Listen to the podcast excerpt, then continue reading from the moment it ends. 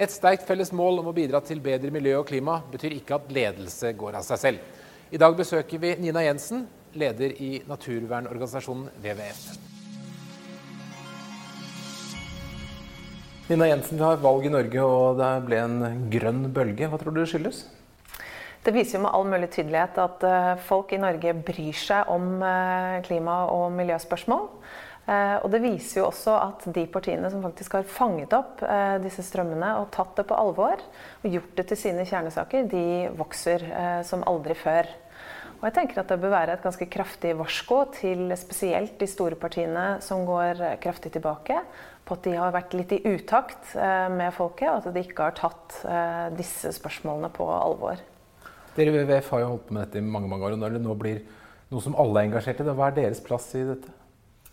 For det første så vil jeg jo eh, være såpass lite ydmyk eh, at jeg vil si at vi har hatt en sentral rolle i eh, at det nå blåser en grønn bølge over landet. Det er klart det har stått høyt på vår agenda lenge at dette skulle komme til toppen av den politiske agendaen. Og det er det jo i ferd med, med å bli. Eh, politikerne har til dels kappes om å være den grønneste eh, politikeren eller grønneste partiet i valgkampen. Og det viser jo at man i større grad må ta disse spørsmålene på alvor. Så er det jo klart at eh, for en organisasjon som vår, når dette blir mer i vinden, eh, så vil det jo trolig bli hardere konkurranse både om oppmerksomheten, man vil se en større grad av eierskap til sakene hos næringslivet f.eks. Som jo på mange måter er positivt. Ehm, vi jobber jo på mange måter for at vi ikke skal trengs. Så hvis man kom dit at eh, klima- og miljøsaken ble godt ivaretatt av andre, så hadde det vært eh, en eh, gledens dag. Hva er dine ambisjoner som leder i en situasjon som er nå, da? Nei, det er jo selvfølgelig å utnytte den grønne bølgen på, på best mulig måte til å få økt gjennomslag i politikken få til strengere tiltak eh, på å løse klimaproblemet.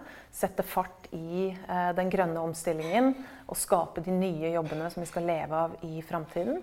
Og ikke minst øke forståelsen blant eh, politikerne, alle partiene, for viktigheten av å ta vare på naturen vår.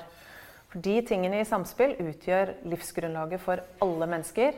Eh, og det er rett og slett ikke mulig eh, i, eh, i en framtid der vi har ødelagt eller spist opp planeten, å heller drive med økonomisk vekst eller næringsutvikling. Men hvor, hvor dypt stikker det egentlig? Altså, folk kjøper elbil, men det er kanskje mest for å komme i kollektivfeltet. Altså, er folk villige til å gi avkall på den livsstilen vi har for miljøets skyld? Ja, det tror jeg.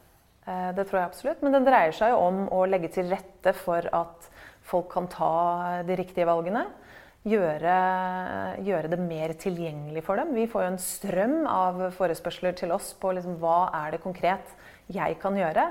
Så jeg tror det er stor vilje der ute. Men, men selvfølgelig, eh, politikerne eh, og næringslivet må jo også bidra til å tilrettelegge for at folk kan ta disse valgene i hverdagen. Så kan man jo gjerne dra opp diskusjonen om elbiler og om, om folk kjøper det bare for å kjøre i kollektivfeltet. Eh, jeg tror ikke det. Eh, og jeg tror også at eh, de som tror at eh, transportsektoren eller privatbiler kommer til å gå på bensin om 20-30 år, de lever i en enorm drømmeverden. For elektrifisering av transportsektoren, og spesielt på privatbilsiden, er i rakettfart fremover. Hvilke dilemmaer og utfordringer er det du har som leder for WWF nå fremover? En av de største utfordringene jeg eh, møter som leder, er prioritering. Eh, det er veldig mange saker man gjerne skulle kjempe for eh, til enhver tid. Spesielt når klima- og miljøsaken kommer høyere opp på agendaen. Og vi rekker jo selvfølgelig ikke over alle. Så det å prioritere knallhardt de sakene som er viktigst, hvor vi kan ha størst mulig innflytelse, og ikke minst hvor vi kan legge til rette for at Norge kan spille en stor rolle i det globale perspektivet, det er den absolutt største utfordringen. Eh, og ikke minst prioriteringen som jeg må gjøre. Hvilke utfordringer tenker du mest på? Hva er det som holder deg våken om natten? Klimautfordringen er nok det som eh, både holder meg våken om natten, og som gjør at jeg står opp om morgenen. Eh, både fordi at jeg ser hvor ille det er i ferd med å bli, og hvor ille det kan bli hvis vi ikke gjør noe med det. Men ikke minst at jeg ser Eh, de store mulighetene eh, som ligger i å løse klimaproblemet. For det dreier seg jo faktisk ikke om å skape en vondere eller vanskeligere verden, snarere tvert imot. Det dreier seg om eh, et storstilt skifte fra fossilt til fornybar energi. Hvor alle vil få tilgang på ren energi. Vi vil få bedre luftkvalitet, vi får bedre bymiljø en sunnere befolkning som kanskje bruker kollektivt og beina i mye større grad, osv. Videre. så listen er på en måte lang over de positive fordelene ved å løse problemet. Men utfordringen er selvfølgelig å komme i gang solid med jobben. Du har nesten 50 medarbeidere. Det er jo da sikkert folk som er veldig entusiastiske og lar seg rive med av denne, disse visjonene. Er det da veldig enkelt å være leder? Du trenger nesten ikke medarbeidersamtaler og lønn og hyggelige ting når alle er så engasjerte? Nei, det tror jeg ikke. Jeg tror snarere tvert imot, eh, faktisk. Eh, det å lede høyt kompetente, eh, høyt utdannede idealister med veldig mye sterke meninger, det krever sin leder, for å si det sånn. Så den største utfordringen ligger, ikke, eh, ligger, nok ikke hos meg, den ligger i, eh, hos mellomlederne og de andre som sitter i min eh, ledergruppe. Men det er ingen tvil om at det å lede denne type mennesker, det, det, det krever solid innsats, for å si det sånn. Og, og både at man er, at man er tydelig, at man er god på kommunikasjon, ikke minst. At folk forstår de valgene du har tatt, og retningen man skal i. Eh, og eh, at man gjennom det klarer å motivere folk til å jobbe sammen for å nå eh, større mål enn bare liksom sin egen lille sak. Har du noen forbilder for deg som leder? Noen som du gjerne vil være som? Det er i og for seg et veldig godt spørsmål. Jeg har jo hatt mange forbilder til siden, i, sin tid, men ikke nødvendigvis lederforbilder. Eh, jeg så jo veldig opp til eh, min forrige sjef, f.eks. For Rasmus Hansson. Ikke nødvendigvis for lederstilen, eh, for der tror jeg nok vi er veldig ulike. Men jeg så veldig opp til han i forhold til evnen hans til å kommunisere, fagkompetansen og grundigheten. Som, som jeg lærte veldig mye av. Utover det så, så, har jeg jo min egen mor eh, som et forbilde, som, eh, som, har lært meg veldig mye viktig. Både i forhold til verdien av å ta vare på mennesker eh, rundt seg. Og hun sier eh, en veldig fin ting, som er alle mennesker trenger applaus. Og det tror jeg det er fort gjort å glemme i en eh, travel hverdag. Men jeg prøver å minne meg på det til enhver tid at de som jobber her hos oss hver eneste dag med noen av de vanskeligste spørsmålene i verden, ja, de må også få tilbakemelding om at de gjør en fantastisk god jobb, og at det gjør en forskjell.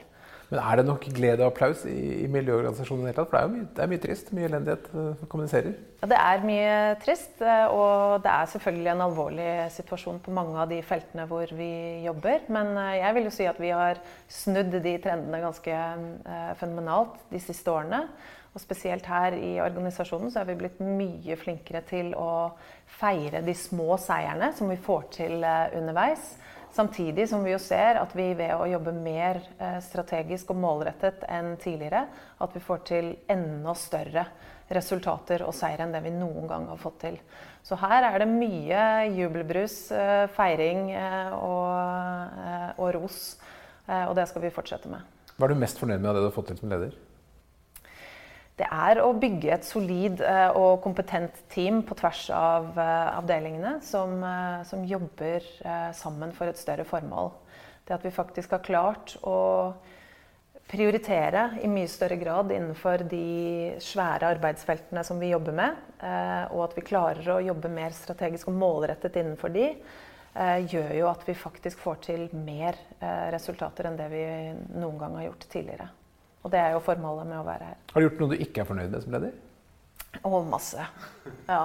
Og det tenker jeg også kanskje er en viktig eh, egenskap ved det å være leder. At man må tørre å feile. Man må tørre å gå ut av eh, komfortsonen sin. Eh, noe jeg føler jeg gjør faktisk hver eneste dag. Men det er den eneste måten eh, jeg kan utvikle meg på som leder, og vi som organisasjon også kan eh, utvikle oss. Så um, jeg tror kanskje min største svakhet, og noe som jeg eh, ikke nødvendigvis angrer på, men i hvert fall noe som jeg prøver å jobbe med til enhver tid, det er at jeg, um, jeg lar meg litt rett uh, rive med. Jeg blir litt entusiastisk og kommer til enhver tid med mange gode ideer inn i organisasjonen som kan tidvis bidra til å forstyrre litt. Når man prøver å liksom jobbe systematisk frem mot et mål, så er det kanskje ikke så nyttig at topplederen kommer inn med en eller annen fabelaktig kreativ idé på noe helt annet som man kunne gjøre samtidig. Nå er det to år til stortingsvalg, og da blir sikkert eh, miljø et tema der også. Hvordan skal dere markere dere i de årene? Nei, vi kommer jo å jobbe som vi har gjort tidligere, eh, inn mot alle de ulike mm, politiske partiene for å sørge for at de setter klima- og miljøspørsmål høyest på agendaen. Og grunnen til det er jo eh, fordi vi mener at det er helt elementært for eh, samfunnsbygging og samfunnsutvikling. Det henger tett sammen med fattigdomsbekjempelse, eh, og ikke minst med den viktige omstillingen som Norge skal igjennom i løpet av de neste årene. Så det å sørge for at vi får solide partiprogram i alle partiene som ivaretar de interessene som vi er opptatt av, blir viktig. Påvirke statsbudsjettet i en grønnere retning, sånn at vi faktisk bruker pengene våre på å bygge et framtidsrettet samfunn. Og ikke minst få politikerne i enda større grad enn de gjør nå, til å kappes om å være de mest miljøvennlige partiet. Er det ikke et lite dilemma at mye av det arbeidet du gjør, faktisk da skjer på oljepenger? Eh, vi tar jo ikke imot penger fra oljeselskaper eh, eller eh, den type penger. Men, men, det er helt klart at vi får en stor del av finansieringen vår fra staten. Eh, det er riktig. Eh, men jeg mener ikke at det er noen motsetning mellom det. oljenæringen har vært avgjørende for det norske velferdssamfunnet som vi lever i i dag. Men vi vet også at det er noe vi må vekk ifra.